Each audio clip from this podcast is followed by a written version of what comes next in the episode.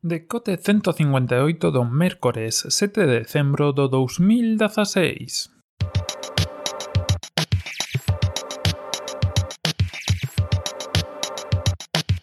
Bos días e benvidos a este novo decote despois de un tempiño sen vir por aquí, Estimos ocupados, estimos facendo cousas, pero bueno, eh, todo chegará, todo irá indo, por agora xa non tedes o Patreon, xa... Bueno, hasta aí chegou a colaboración monetaria, E hoxe seguimos falando de outras novas, como vedes no título. Esta semana temos ainda dous días por diante, iremos falando de cousas. Esta semana sí sairá a newsletter, deixo vos un enlace para que vos inscribades, vos apuntedes eh, e vos deixades aí ser algo. É un mail que vos chego os domingos, onde falo un pouco de cousas máis... Eh, non quero dicir persoais, porque non son persoais, pero son un pouco máis de dos pés na terra, de un pouco como son as cousas así por detrás E eu creo que pode ser interesante, senón de todas formas tamén irán enlaces e cousas que eso, se si estás escoitando podcast todos os días, pois quizás se vos esquece ir o, o blog a miralas. E bueno, tamén, como sempre, podes respondelo, dar feedback e todo ese tipo de cousas chachi guais. Dito isto, eh, pasamos a falar do tema de hoxe, que, bueno, é un tema que ven xa de longo, pero hoxe parece que se vai pechando a cousa, pechando o círculo eh, un pouco máis. E o tema de Fitbit e Pebble. Como sabedes, a semana pasada anunciábase que Fitbit adquiría Pibel. Por si non está de o día, falamos por aquí de ambas. Eh, Pibel é a empresa eh, que fai reloxes, reloxos inteligentes entre comillas e Fitbit é a empresa que falamos tamén por aquí que fai pulseiras de cuantificación na súa maioría. Logo tamén teñen algún reloxo que intenta ser un pouco inteligente. A cuestión desto, supoño que xa escritastes todos falar un pouco desto, pero vamos a facer un resumo rápido e falar de algunhas cousas que, bueno, quizá sin e non son así de todo, pero bueno.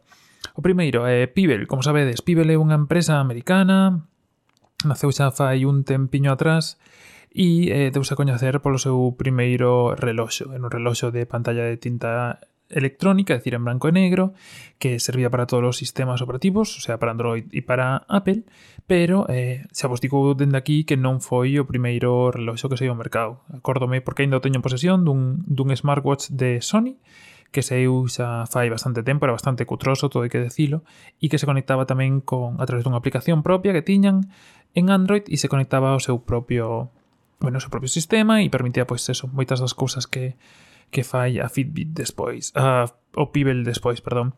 Que pasou con Pibel? Pois Pibel eh, chegou a través dun, dun Kickstarter, como sabedes é un, unha páxina de crowdfunding, a través do cal pois a xente puxo moita pasta e isto se iba adiante. Digamos que con ese primeiro crowdfunding foi co que a empresa se deu a coñecer así de maneira grande e global. As cousas foron un pouco raras, teño que dicilo, porque o normal é que unha vez que fas un crowdfunding e tes unha empresa que empeza a andar, pois non volvas a facer outro, como foi o caso eh, que fixeron fai uns meses atrás.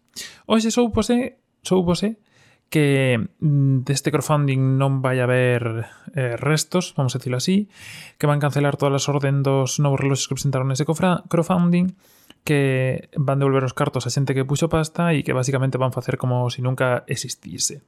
Son as cousas que sabemos hoxe. Supoño que hai un tema detrás moito máis complexo de que realmente non tiñan a pasta ou non estaban utilizando a pasta da forma debida ou como se supuña que tiña que ser.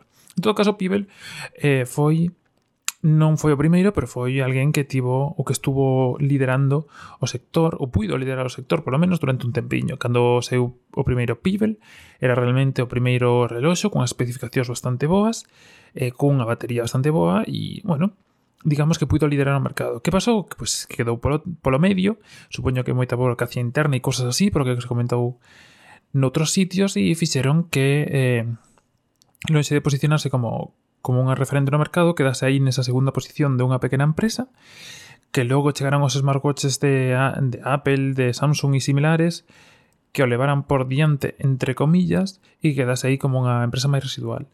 É curioso porque ten o tivo ou bueno, terá xa non, porque desaparece, eh, moitos eh, seguidores bastante aférrimos, porque realmente o produto que facía era un produto bo. É dicir, era un reloxo duro, consistente, que logo fixo resistente a auga, que fixo con carga, bueno, non inalámbrica de todo, pero bueno, con, con carga eh, que non estaba enchufar un cable probablemente dito, foi unha empresa que estivo aí, que encima pois, tiña unha comunidade, tiña unha tenda onde podías eh, subir eh, carátulas, no, carátulas no, eh, watch faces, eh, bueno, darlle forma, poñer, subir a túa creación de reloxo para mostrar, E bueno, tiña unha comunidade bastante interesante, pero non soubo manexar todo o que tiña por diante e chegou a esta situación. Unha situación que, como xa sabedes, xa escoitarías máis veces, tivo oportunidades de remediar, tivo ofertas durante moito tempo, decidiu pasar delas e agora chegou a un trato que se cifra alrededor dos 40 millóns de dólares, que xa vos digo que non, que non é moito comparado con outras adquisicións, tendo en conta que fai dous, tres anos eh, tivera ofertas de, de 740.000 millóns de, de 740 millóns de dólares, non mil, de 740 millóns. E, bueno, quedou aí un pouco eh, no, no esquecemento. Ahora que hai por diante? Pois pues basicamente o que fan ahora cancelalo todo, eh, que é unha forma que ten que ten Fitbit de evitar gastar nada máis e o que se plantexa por diante é utilizar todo o sistema operativo e todo o que tiñan feito en Pibel para darlle forma ou para darlle caña a seus propios reloxos, as súas propias apostas e intentar tirar para diante. Si Pibel non estaba ben, eh, Fitbit tampouco está, digamos, para botar por fora. Está intentando, xa o falamos no seu momento cando presentaron os seus novos aparellos, está intentando, pois eso, sacar cosas novas. Eh, cousas que encaixen un pouco máis coa moda, eh, pulseiras que se poidan levar en todo momento e quizá co que pretenden con esta adquisición é eh, chegar a un pouco máis para arriba e empezar a facer reloxos que sean un pouco máis intelixentes. Se son capaces de aproveitar todo o que tiña Pibel xa construído, da tenda, das aplicacións e todos estes sistemas, incluso parte do tema dos reloxos. Quero dicir, a nivel unión, eh, Fitbit estaba facendo unha cousa, Pibel estaba facendo outra, quizá entre a unión de ambas pois pues, empezan a sair cousas bastante competitivas e, e interesantes para, para, ambas. Pero bueno, interesante, vai ser interesante ver, sobre todo porque Fitbit, quero decir, merca, pero eso non quer decir que está moito mellor, están ambas no mesmo mercado, no mercado que polo que estamos sabendo eh, curto e escaso, eh, só Apple con dificultade está saindo adiante, tamén porque ten máis ten moito moito cash, moitos cartos dos que dispoñer e, bueno, digamos que pode permitirse. Además de que o prezo e o beneficio que está sacando Apple a cada, a cada aparello, pois pouco ten que ver co que lle sacaban estas dúas empresas. E a verdade é que, bueno, é unha pena. Quero dicir, a título personal, Pibel era unha empresa que estaba aí. Moitas veces dudei de mercar un Pibel ou non, de finalmente foi un Apple Watch, pero estou seguro que tería sido unha boa compra. Estou seguro de que van seguir mantendo e que esa comunidade que teña montada vai seguir dando dando soporte ou dando axuda a, a xente que ten agora mesmo un Pidel, porque bueno, son reloxos que duran e que e que bueno, teñen É unha comunidade. Creo que, se non me equivoco, en Reddit, sobre todo, é unha comunidade moi grande e que se dá bastante bastante soporte entre sí.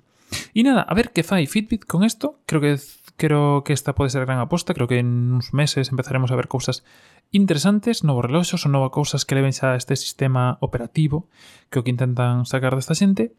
E nada máis, acabase a época dos Kickstarter de Pibel, acabase este pequeno locurón mal levado. Non creo que a idea fose mala, xa vos lo digo, creo que simplemente non superón levar como empresa. E nada máis, esta é a volta de todo. Como os digo, teredes abaixo un enlace para suscribirvos á newsletter Tamén aproveitade se queredes ver se andamos grabando algúns xogos para sacalos máis adiante e pouco máis. Espero que teñades moi bo mércores o que queda este mércores, que aproveitades mañá o día, mañá teremos outra vez podcast para recuperar e o venres de novo tamén. Nada máis por hoxe, que teñades un bo día, unha boa tarde, un saúdo e ata mañá.